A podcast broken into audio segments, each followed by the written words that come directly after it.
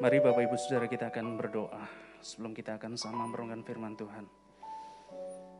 Bapak di surga kami bersyukur dan berterima kasih ya Tuhan. Sungguh kami mau sekali lagi menyadari bahwa Engkau adalah segalanya buat kami. Engkau adalah yang berharga dan ter, tak ternilai di dalam hidup kami. Terima kasih Kau memberi kesempatan buat kami untuk beribadah pagi hari ini. Kami boleh datang di gerejamu ini ataupun kami boleh beribadah di rumah kami masing-masing bersama dengan keluarga kami. Terima kasih Tuhan. Kami rindu Engkau akan menyapa kami. Bukan hanya Engkau menyapa kami, tapi Engkau akan mengarahkan kami. Bukan hanya Engkau mengarahkan kami, Engkau menegur kami. Bukan hanya Engkau menegur kami ya Tuhan, tapi Engkau memperbaiki hidupan kami Tuhan. Tolong kami Tuhan, agar kami dipersiapkan hati kami sehingga ketika firman itu disampaikan Tuhan, kuasa roh kudusmu saja yang diam dan mengoreksi kehidupan kami. Sehingga sepanjang pemberitaan firmanmu Tuhan, kuasamu sungguh dinyatakan kepada kami. Kami boleh diperbaiki hati kami. Kami boleh diperbaiki pikiran kami. Kami boleh diperbaiki komitmen kami. Bahkan kami boleh diperbaiki seluruh eksistensi hidup kami. Berkaya dan bekerjalah kepada kami ya Tuhan kami siap untuk mendengar firman-Mu. Terpujilah Engkau. Demi nama Tuhan Yesus kami ucap syukur berdoa. Amin. Baik Bapak Ibu Saudara, mari kita akan bersama membaca kebenaran firman Tuhan. Saya mengambil dari satu Tawarik pasal yang ke-17. Saya akan baca ayat yang ke-16 dan 17. Sekali lagi satu Tawarik 17 ayat 16 dan 17 dan nanti terakhir kita akan baca di ayat yang ke-27. Demikian firman Tuhan. Lalu masuklah Raja Daud ke dalam. Kemudian duduklah ia di hadapan Tuhan sambil berkata, Siapakah aku ini ya Tuhan Allah? Dan siapakah keluargaku sehingga engkau membawa aku sampai sedemikian ini? Dan hal ini masih kurang di matamu ya Allah. Sebab itu engkau telah berfirman juga tentang keluarga hambamu ini. Dalam masa yang masih jauh dan telah memperlihatkan kepadaku serentetan manusia yang akan datang. Ya Tuhan Allah. Bapak ibu saudaraku yang dikasih oleh Tuhan, dalam sebuah pertemuan bisnis di akhir tahun, ada sebuah kebiasaan yang dilakukan di suatu tempat itu. Jadi para bisnismen baik itu senior maupun junior, mereka berkumpul bersama-sama mengevaluasi setiap yang sudah mereka kerjakan dalam satu tahun itu, Bapak Ibu Saudara. Lalu ada seorang wartawan yang bertanya kepada beberapa orang atau kepada eh, beberapa bisnismen yang hadir saat itu. Nah, pertanyaannya sama semua. Dia katakan atau dia tanyakan begini, sepanjang karir bisnis Anda, apakah yang paling bernilai dan berharga yang pernah Anda dapatkan. Jadi sekali lagi sepanjang bisnis karir Anda, apakah yang pernah Anda peroleh hal itu yang paling bernilai dan paling berharga? Dan tentunya itu ditanyakan oleh kepada beberapa orang. Ah, wartawan itu bertanya kepada seorang kolektor, Bapak Ibu Saudara, ya. Dan seorang kolektor itu menjawab begini. Saat saya bisa mengkoleksi lukisan yang bernilai jutaan dolar, itu menjadi sebuah kebanggaan dan bagi saya itu menjadi hal yang paling berharga. Lalu kemudian ditanya kepada seorang uh, yang suka otomotif dan dia berbisnis di bagian otomotif. Dia katakan begini, saya akan merasa memiliki nilai dan harga kalau perusahaan saya itu mendunia dan bisa menjual hasil atau mobil-mobil itu ke seluruh dunia. Wow, tentunya luar biasa. Mungkin saja sampai di Indonesia, gitu ya. Lalu kemudian dia bertanya juga kepada seorang pengusaha properti. Dan seorang pengusaha itu menjawabnya, saya akan memiliki harga atau sangat berdihargai ketika saya membangun properti yang mewah dan properti itu jumlahnya kurang lebih 20% dari wilayah daerah di mana saya tinggal. Nah, tentunya ini sesuatu harapan yang sangat fantastis, bukan? Karena kalau 20 persen andai kata DKI Jakarta itu sudah menguasai daerah-daerah ataupun areal-areal tertentu yang sangat baik. Kemudian ditanyakan juga dengan seorang uh, pengusaha kuliner. Dia katakan begini, saya akan bangga kalau saya memiliki menu favorit saya itu mendunia. Bisa dirasakan sampai orang yang ada di pelosok daerah. Dan itu menjadi kebanggaan dan menjadi nilai yang paling berharga di dalam usaha dan bisnis saya. Nah, saudaraku yang dikasih oleh Tuhan dari banyak orang yang hadir, bisnismen maupun bisniswoman yang hadir, kemudian ada dua orang yang uh, ditanyai dengan memiliki jawaban yang berbeda dengan yang lainnya itu. Ada seorang pengusaha senior itu ditanya dan kemudian dia katakan begini, apa sekali lagi yang sudah Anda dapatkan sepanjang Anda berbisnis dan itu menjadi nilai yang paling berharga? Dia berikan jawaban begini Bapak Ibu Saudara keluarga. Bagi saya keluarga itu yang paling berharga dari semua yang pernah saya dapatkan.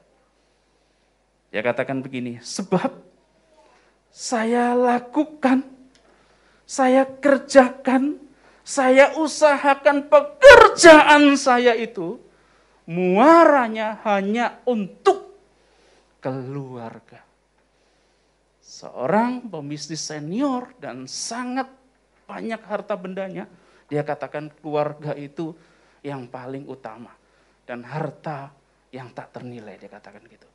Demikian juga ada seorang yang junior, dia memulai bisnis dan sudah mulai berhasil. Dia katakan dia katakan hal yang sama. Keluarga bagi saya menjadi prioritas sebab dari keluarga saya dapat belajar banyak. Saya belajar berbisnis, saya belajar nilai-nilai, saya belajar banyak hal itu dari keluarga saya.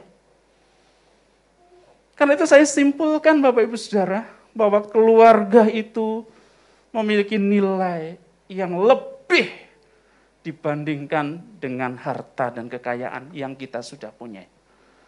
Betul enggak Bapak Ibu Saudara?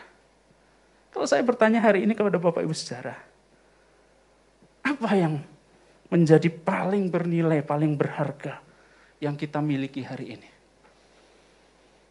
Apakah kita sepakat kalau kita mau katakan keluarga itu adalah harta yang paling bernilai.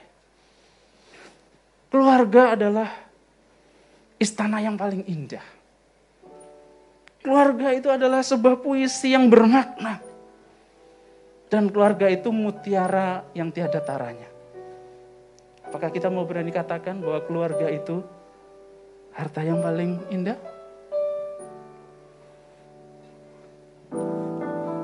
Harta yang paling berharga adalah keluarga. Istana yang paling indah adalah keluarga. Puisi yang paling indah Puisi yang paling bermakna adalah keluarga Mutiara tiada tara adalah keluarga Saudara, apakah kita berani katakan seperti itu? Yang paling bernilai, paling berkesan, paling berharga di dalam hidupku adalah keluarga. Semuanya adalah keluarga yang memiliki nilai luar biasa. Saudaraku yang dikasih oleh Tuhan, saya percaya. Keluarga adalah sebuah hal yang paling ternilai yang Tuhan berikan kepada kita. Kalau kita mau perhatikan di dalam kitab kejadian Bapak Ibu sejarah. Setelah Allah menciptakan lima hari berturut-turut ya. Lima hari, lima hal yang Allah ciptakan. Hari pertama, hari kedua, ketiga, keempat, sampai kelima Allah menyatakan bahwa semua yang diciptakan itu amat baik. Tapi sudah tahukah saat Allah menciptakan atau menciptakan manusia di hari yang keenam, dia katakan apa? Sungguh amat baik. Dan ketika Allah katakan sungguh amat baik itu, kemudian yang memberkati ciptaannya itu. Adam dan Hawa diciptakan dan diberkatilah. Allah bentukkan kepada mereka keluarga. Dan keluarga itulah keluarga yang diberkati. Setelah kita melihat, kalau kita perhatikan bagian ini saja, Allah itu begitu concern, Allah itu begitu menilai keluarga itu begitu penting buat kita. Dan saya percaya Allah yang memulai itu keluarga yang penting. Saya percaya kita semua yang diciptakannya akan menghargai keluarga itu juga sedemikian itu. Kalau kita perhatikan juga saudaraku, baik itu di dalam perjanjian lama dan di dalam Injil. Allah itu melihat pentingnya keluarga itu. Dia menuliskan keluarga A, keluarga B dalam sebuah silsilah yang begitu panjang kalau kita membacanya. Keluarga demi keluarga dia tuliskan. Dan kalau kita mau perhatikan sampai di bagian ini saudara. Daud merasa begitu bersyukur. Kenapa Bapak Saudara? Karena dikatakan di dalam ayat tadi, 1 Tawarik 17 ayat 16 17. Siapakah aku ini ya Tuhan? Siapakah keluargaku sehingga engkau membawa aku sampai sedemikian ini? siapa kita ini? Siapa keluarga kita? Sehingga Tuhan bawa sampai sedet, di detik ini, sampai hari ini. Bukan hanya berkat-berkatnya, bukan hanya pertolongan-pertolongan saja. Tapi sampai setik ini Tuhan menyatakan sesuatu yang istimewa bagi setiap kita. Kalau kita tanya siapa kita ini? Siapa keluargaku? Sebuah pernyataan yang begitu penting. Allah menyatakan atau Daud menyatakan siapa keluargaku. Ini mengindikasikan, memberikan kesan bahwa sekali lagi keluarga itu di hadapan Tuhan begitu penting. Tuhan inisiatifkan keluarga kepada setiap kita ciptaannya. Dan saya rindu saudara.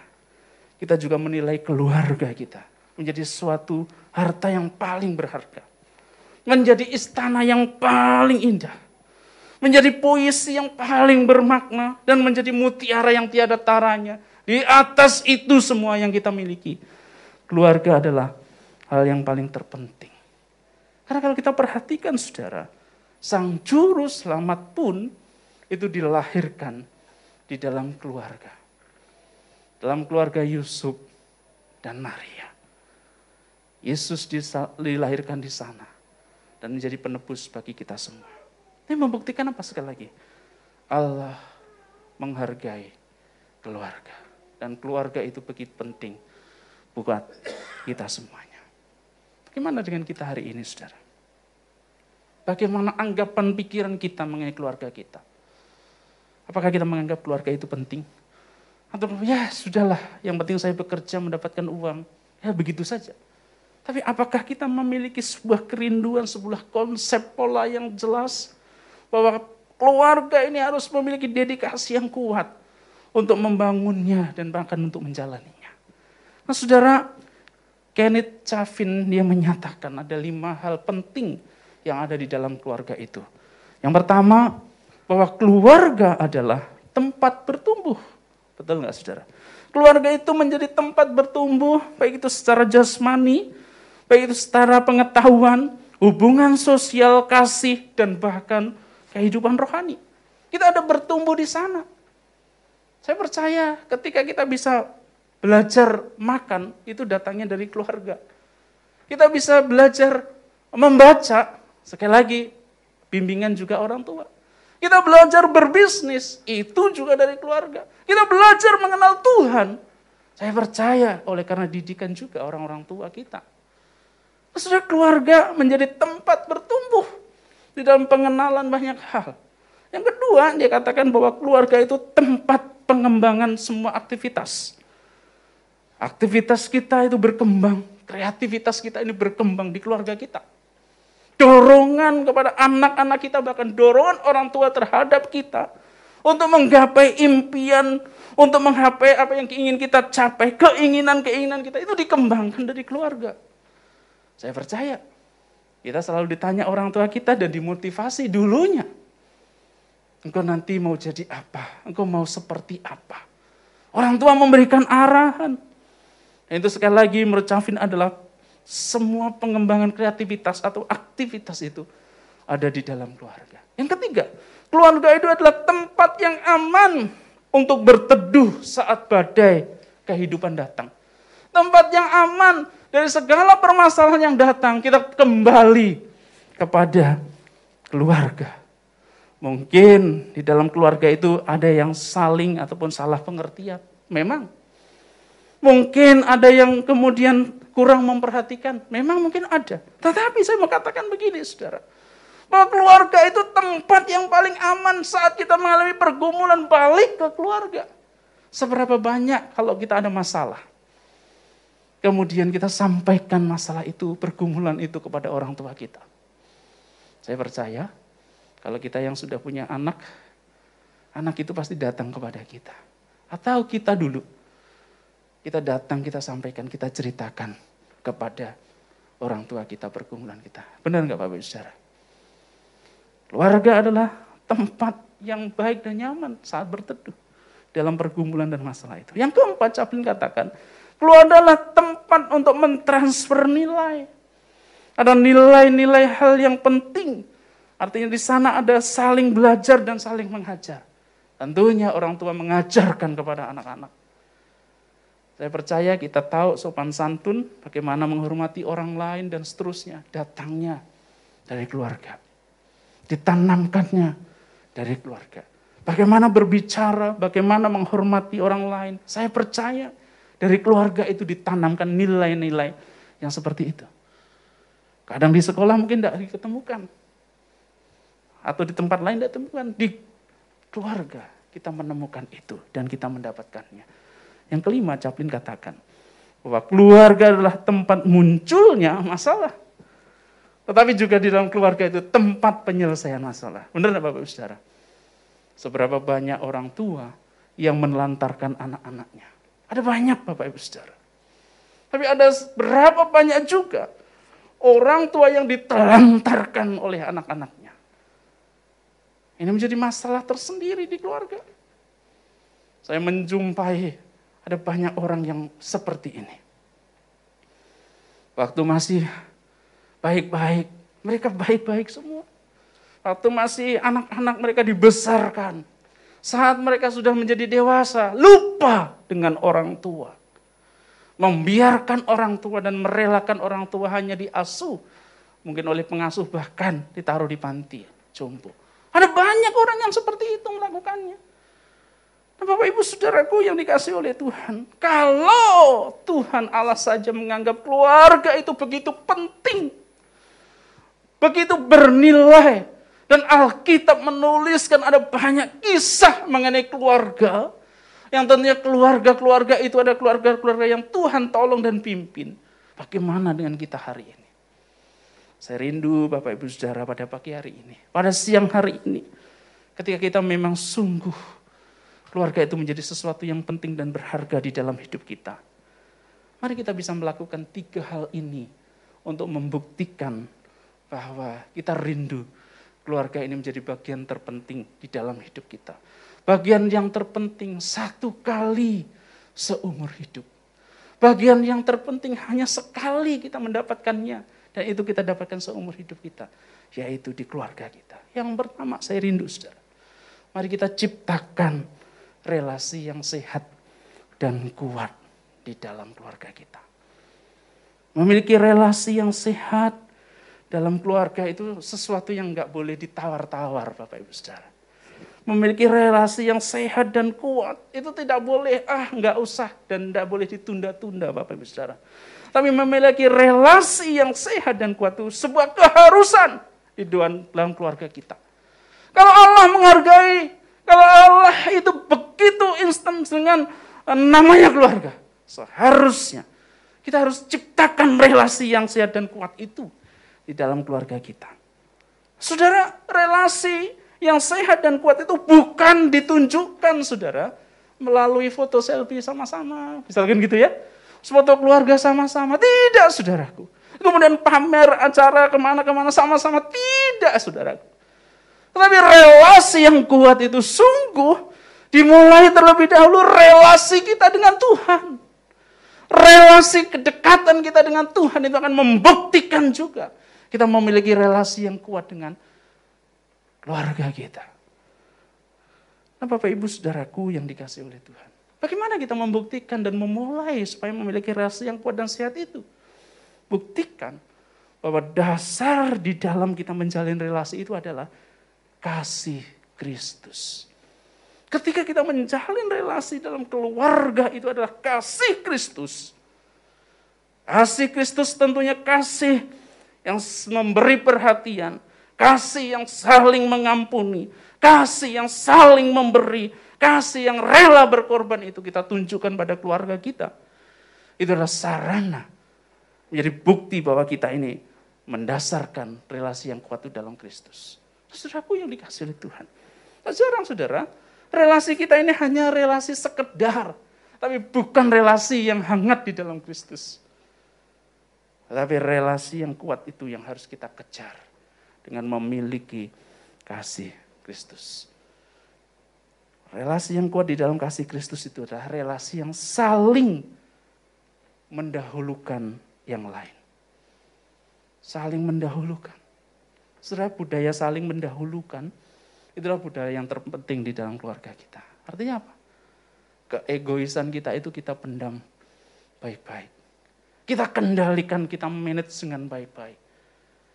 Bayangkan saudara, kalau kita saling mendulukan di dalam rumah tangga kita, itu akan begitu indah. Itu akan begitu romantis, akan begitu harmonis kalau itu suami istri. Demikian juga kalau itu dengan anak. Bisa terbayang. Maka itu akan semuanya terkendali dan berjalan dengan begitu baik. Bayangkan, kalau kita ini mendahulukan orang lain, meskipun kita nggak sempat, tapi kalau kita mendahulukan, pasti kita akan sempat-sempatkan di waktu kita. Meskipun kita nggak merasa nggak enak, nggak suka, kalau kita mendahulukan orang lain, pasti saudara, kita akan lebih menikmati dan mendapatkannya. Karena apa? Kita ingin menyenangkan keluarga kita. Saudara, saling mendahulukan itu ditandai ingin menyenangkan anggota keluarga kita. Sudah berapa lama kita tidak ingin menyenang, tidak menyenangkan anggota keluarga kita? Sudah berapa lama kita tidak menjalin relasi yang dekat dengan mereka? Sudah berapa lama saudara kita bertumbuh bersama di dalam keluarga? Tapi rasa-rasanya itu renggang gitu ya. Rasa-rasanya ada mereka, tapi kayaknya nggak ada. Gitu. Saya merasakankah itu seperti itu? Artinya apa? Jikalau itu belum, kita ini belum saling mendahulukan. Mari pada pagi hari ini kita belajar. Kita membuktikan relasi yang sehat dan kuat itu kita buktikan dengan saling mengasihi. Dan kita dengan saling mendahulukan yang lain. Mendahulukan dalam banyak hal. Apa pun kita mencoba untuk mendahulukan yang lainnya. Mendahulukan kepentingan istri kita. Mendahulukan kepentingan anak-anak kita. Di balik kepentingan kita sebagai kepala rumah tangga. Mendahulukan kepentingan suami kita, anak-anak kita. Di balik kita semua sebagai seorang istri. Demikian juga dengan anak-anak. Ketika kita saling mendahulukan dan mendasarkan kepada kasih Kristus, itu akan tercapai sebuah relasi yang kuat. Sebuah relasi yang sehat di dalam Tuhan. Yang kedua, saudara, bagaimana kita membuktikan bahwa keluarga itu begitu penting? Milikilah dan berikan waktu yang berkesan itu buat keluarga kita. Terus saya percaya, kita memiliki waktu yang sama bukan 24 jam dalam satu hari. Betul ya? Gak ada yang punya 23 jam saya pikir. Semuanya rat 24 jam. Tapi pertanyaannya dalam waktu 24 jam itu, berapa jam waktu yang kita berikan buat keluarga kita? Saya sempat berbincang dengan beberapa rekan yang berpasangan muda, yang masih pasangan muda gitu ya, baru menikah dan seterusnya. Saya tanya kepada mereka, Berapa waktu yang kau berikan buat keluargamu, buat istrimu? Dia hitung, hitung, hitung, hitung, hitung. Dia bilang, hampir 24 jam. Oh hebat dong. Ya kami selalu bersama-sama gitu ya. Lalu sama-sama, wah bagus. Ada yang bilang, saya berikan kurang lebih ya 18 jam. Karena sisanya saya ada kerja dan seterusnya. Wah luar biasa. Kemudian pertanyaan penting kemudian saya tanyakan, berapa waktu yang berkesan itu engkau berikan buat keluargamu? Dari 18 jam itu, dari 24 jam itu. Yang berkesan dan bernilai. Itu engkau berikan kepada pasanganmu, kepada anakmu. Berapa? Bapak Ibu Saudara, ternyata mereka bingung juga. Rata-rata yang saya lakukan tidak ada kesannya. Berjalan begitu saja. Berjalan tidak ada kesan. Biasa saja. Seperti berjalan, ya waktu berlangsung dari pagi menjadi siang, kemudian sore, malam. Begitu saja putarannya. Dan malah kebersamaan kami dalam 24 jam itu, kami belum bisa saling mengenal. Nah saudara, ketika kita saling mengenal itulah dan memahami itulah, berarti kita sudah menunjukkan pada titik yang kita lakukan itu berkesan.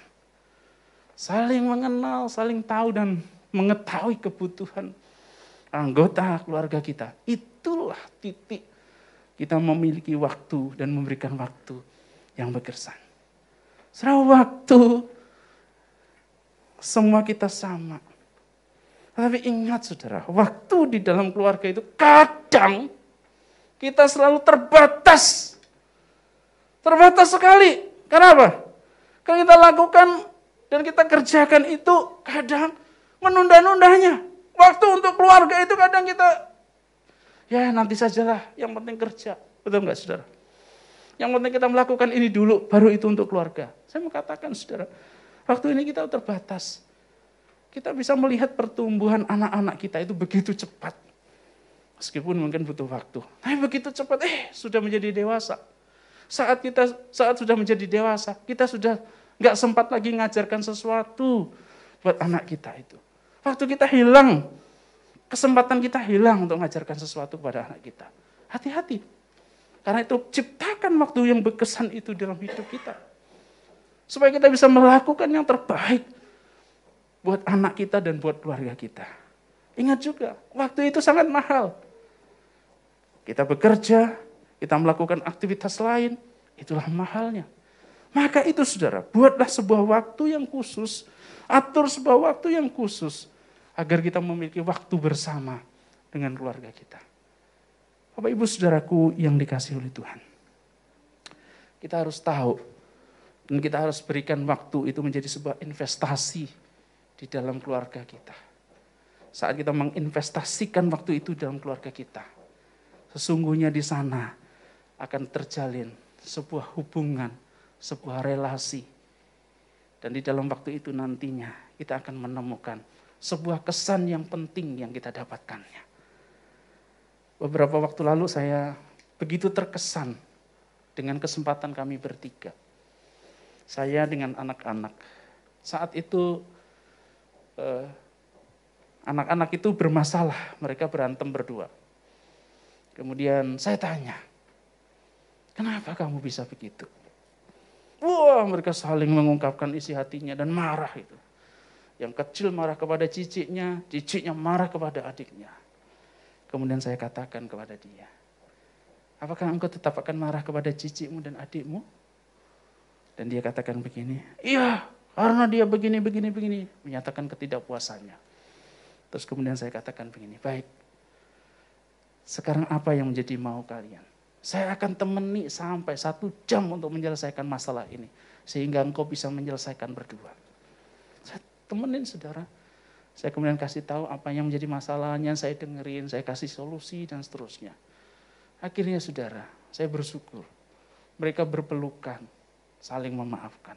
Saudara, adakah waktu yang kita pakai sampai bisa menyelesaikan pergumulan mereka yang seperti ini? Mungkin hal ini sederhana, saudara. Tapi saya tahu kalau hal ini tidak diselesaikan, ini menjadi potensi yang akan besar di kemudian hari. Ini hal yang kecil, tapi ini sudah tertanam sejak kecil kalau tidak saya selesaikan. Di kemudian hari mungkin akan terjadi lebih besar. Karena itu saya bilang satu jam saya akan dengerin kalian. Kalau kurang, saya akan tetap temani sampai ini selesai dan clear. Puji Tuhan. Dan itu benar-benar saya merasakan. Ternyata sulit ya untuk memberikan waktu dan hanya duduk saja dengan mereka dan menyelesaikan. Saya perlu waktu.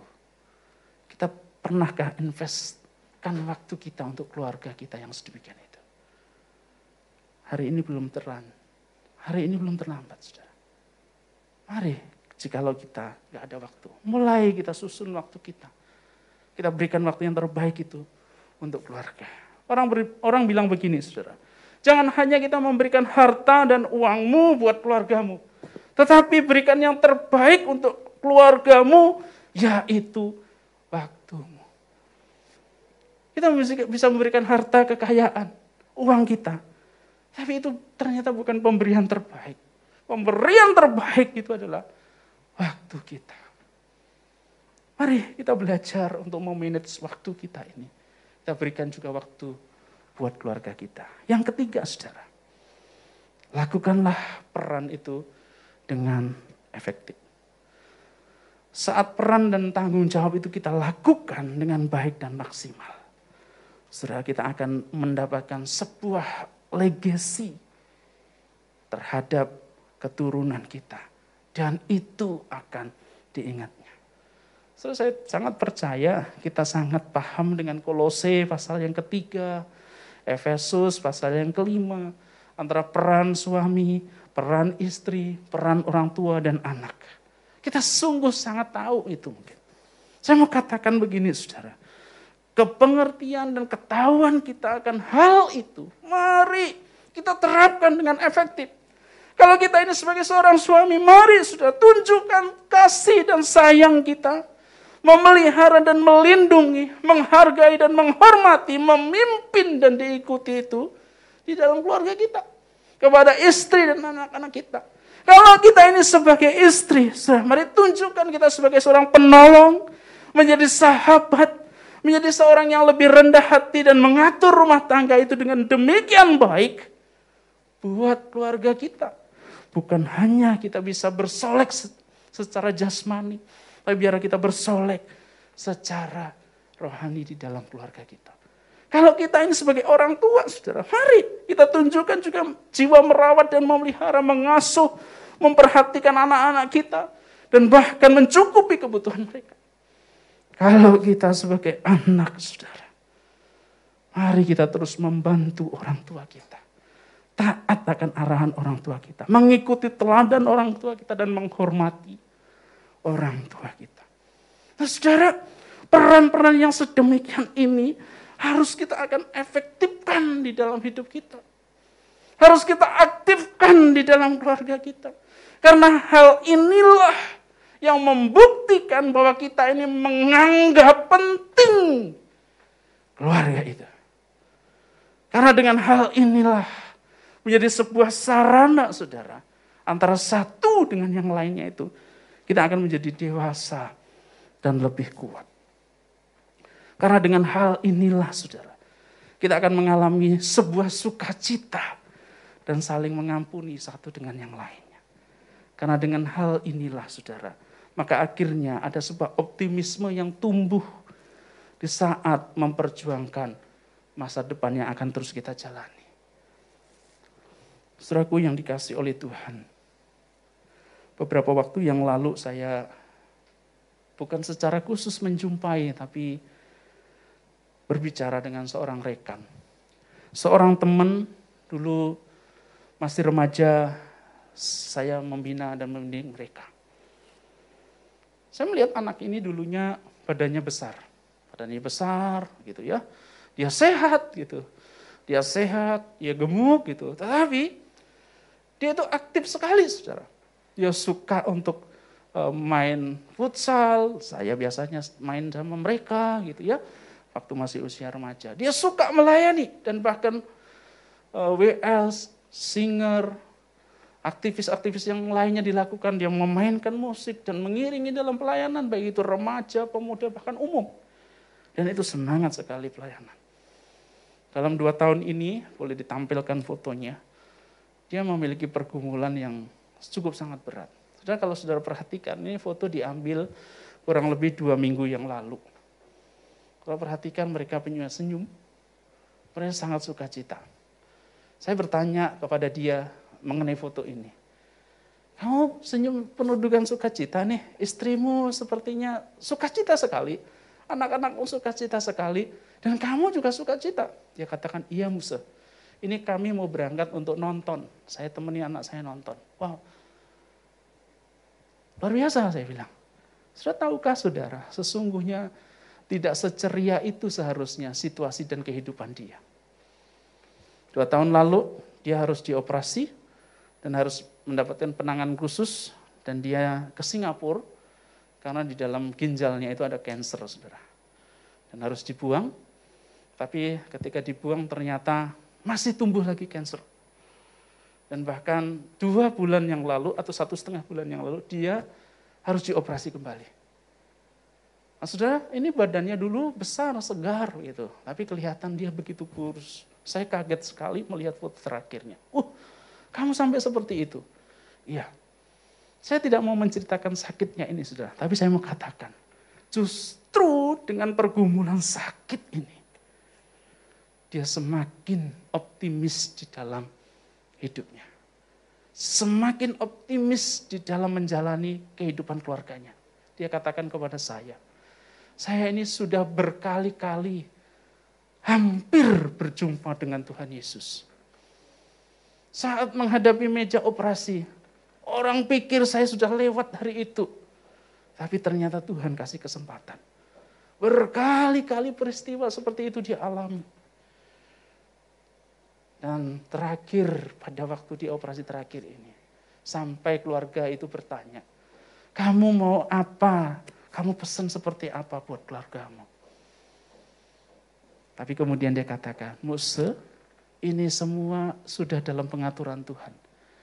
Yang saya menemukannya adalah ketika saya mengalami pergumulan, ketika mengalami sakit, saya tidak ditolak oleh keluarga. Dan saya bangga mendapatkan keluarga ini. Karena istrinya sesungguhnya dulu juga anak remaja saya. Dan dia ketemu dan kemudian menikah. Saya tidak berpikir bahwa dulu akan seperti ini. Karena saya tahu bahwa keluarga dari pihak perempuan itu saya tahu jelas. Ketika menghadapi pergumulan seberat ini, saya tidak menyangka mereka justru semakin kuat.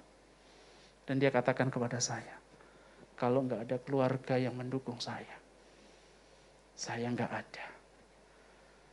Jadi apa yang saya miliki itu nggak berarti Musa, karena nggak bergerak. Tapi istri dan anak-anak saya ini hidup dan kemudian mendukung, mensupport saya. Bayangkan saudara, anaknya baru 10, eh, umur 10 dan umur 7. Mereka bisa melakukan aktivitasnya sendiri. Dan tanpa dikontrol pun dia akan tetap lebih baik melakukannya. Ketika ditinggal beberapa hari, bahkan beberapa minggu di rumah sakit, dia bisa melakukan aktivitasnya sendiri. Dia katakan, saya bersyukur hanya sekali diajari, mereka ngerti dan bisa. Bukan hanya itu saja Musa. Kalau dulu saya setirin orang, sekarang saya nggak bisa setir. Istri saya yang nyetir. Bayangkan kalau nggak ada istri. Bayangkan kalau saya ditinggal dia. Tapi dia katakan, sungguh ini pemberian Tuhan yang teramat istimewa. Sungguh ini baik dan sungguh ini keluarga ini adalah keluarga yang Sungguh Tuhan tolong dan berkati. Terus ketika dia memberikan kesaksian itu kepada saya, saya sungguh terkesan. Saya sungguh terkesan, dia sangat menikmati keluarganya. Meskipun ada pergumulan-pergumulan yang lain. Mungkin kalau di, orang, di luar sana orang melihat kondisi yang seperti itu. Bisa saja istrinya meninggalkan dia. Pergi. Tetapi justru dengan kondisi ini semakin mendekat dan mereka semakin kompak. Saya tanya sama istrinya, kenapa kamu begitu? Karena kasih Kristus sudah ada dalam diri saya. Karena Kristus sudah melawat saya, menjadikan saya seperti ini. Dan saya percaya saudara, jika kita mau keluarga dan kasih Kristus ada di dalam hidup kita, kita akan memiliki keluarga yang sedemikian itu. Menganggap keluarga dan menjadikan keluarga itu menjadi yang paling berharga dan bernilai di dalam hidup kita. Mari Bapak Ibu Saudara pada hari ini kita belajar untuk bisa memberikan yang terbaik. Membuktikan yang terbaik kepada keluarga kita. Mari kita bisa mengatur, membuat sebuah relasi yang baik dan sehat di dalam keluarga kita. Mari kita bisa memberikan waktu kita untuk keluarga kita. Mari kita juga bisa menjalankan peran-peran kita. Peran-peran yang terbaik itu di hadapan Tuhan. Dan sehingga yang terbaik itu kita lakukan bersama-sama juga untuk melayani Tuhan. Siapakah aku ini ya Tuhan Allah? Dan siapakah keluargaku Sehingga engkau membawa aku sampai sedemikian ini. Ialah saudara, kita merespon. Bersama keluargaku, aku mau melayani engkau Tuhan. Bersama keluargaku aku mau bersatu selamanya untuk mengasihi engkau. Tidak ada yang dapat melebihi kasihmu selain engkau di dalam keluargaku. Bersama keluargaku mengayani Tuhan. Bersatu selamanya mengasihi engkau. Tiada yang dapat melebihi kasihmu ya Tuhan. Bagi kami engkau segalanya. Katakan kami datang di hadiratmu. Kami datang di hadiratmu. Dalam satu kasih dengan bersehati. Berjanji setia sampai akhir. Mengasihimu. Yesus Katakan bersama keluargaku. Bersama keluargaku Melayani Bersatu selamanya Mengasihi Engkau. Tiada yang dapat melebihi Kasihmu ya Tuhan. Bagi kami Engkau segalanya. Tuhan Allah sangat konsisten dan concern dengan keluarga kita. Keluarga itu begitu berharga dan begitu penting. Bagaimanakah dengan kita hari ini? Bagaimana kita melihat keluarga kita? Saudaraku, kembalilah kepada keluargamu. Hiduplah damai dengan seisi keluargamu. Jagalah keluargamu. Jangan kianati dan sia-siakan mereka. Karena keluarga adalah harta yang paling berharga. Lebih dari permata lebih dari segala-galanya, lebih dari istana yang kita mungkin miliki. Keluarga itu adalah mutiara tiada taranya. Kita miliki sekali seumur hidup. Dan kiranya seperti yang dituliskan dalam Tawarik 17 ayat 27. Ini sungguh nyata dalam kehidupan kita. Kiranya engkau sekarang berkenan memberkati keluarga hambamu ini. Supaya tetap ada di hadapanmu selama-lamanya. Sebab apa yang engkau berkati ya Tuhan, diberkati untuk selama-lamanya. Biarlah keluarga yang demikian yang Tuhan nyatakan kepada kita. Mari kita berdoa. Tuhan terima kasih. Hari ini engkau ingatkan kami betapa berharga dan bernilainya keluarga yang kami miliki. Kalau engkau pun sangat concern ya Tuhan dengan keluarga kami. Kami rindu Tuhan. Kami juga memiliki hati yang lebih memperhatikan keluarga-keluarga kami. Tolong kami Tuhan. Kalau kami dalam pergumulan ketidakharmonisan dalam keluarga kami. Kami berdoa biarlah Tuhan kembalikan keluarga yang harmonis itu di tengah-tengah jemaatmu. Biarlah mereka tidak melihat hal-hal duniawi yang mereka lihat menjadi penghalangnya. Tapi biarlah engkau akan persatukan kembali keluarga mereka. Dalam hidup keharmonisan. Menganggap penting keluarga. Menjalin relasi kembali, engkau pulihkan relasi mereka Engkau pulihkan juga waktu mereka supaya mereka ada waktu. Engkau pulihkan peran-peran mereka Tuhan. Sehingga keluarga-keluargamu yang ada dalam gerejamu ini. Memiliki keluarga yang memiliki peran yang benar dan tetap di hadapan Tuhan. Terima kasih Tuhan. Berkati kami sekalian. Kami bersyukur, kami berdoa. Di dalam nama Tuhan Yesus. Amin. Tuhan memberkati kita semua.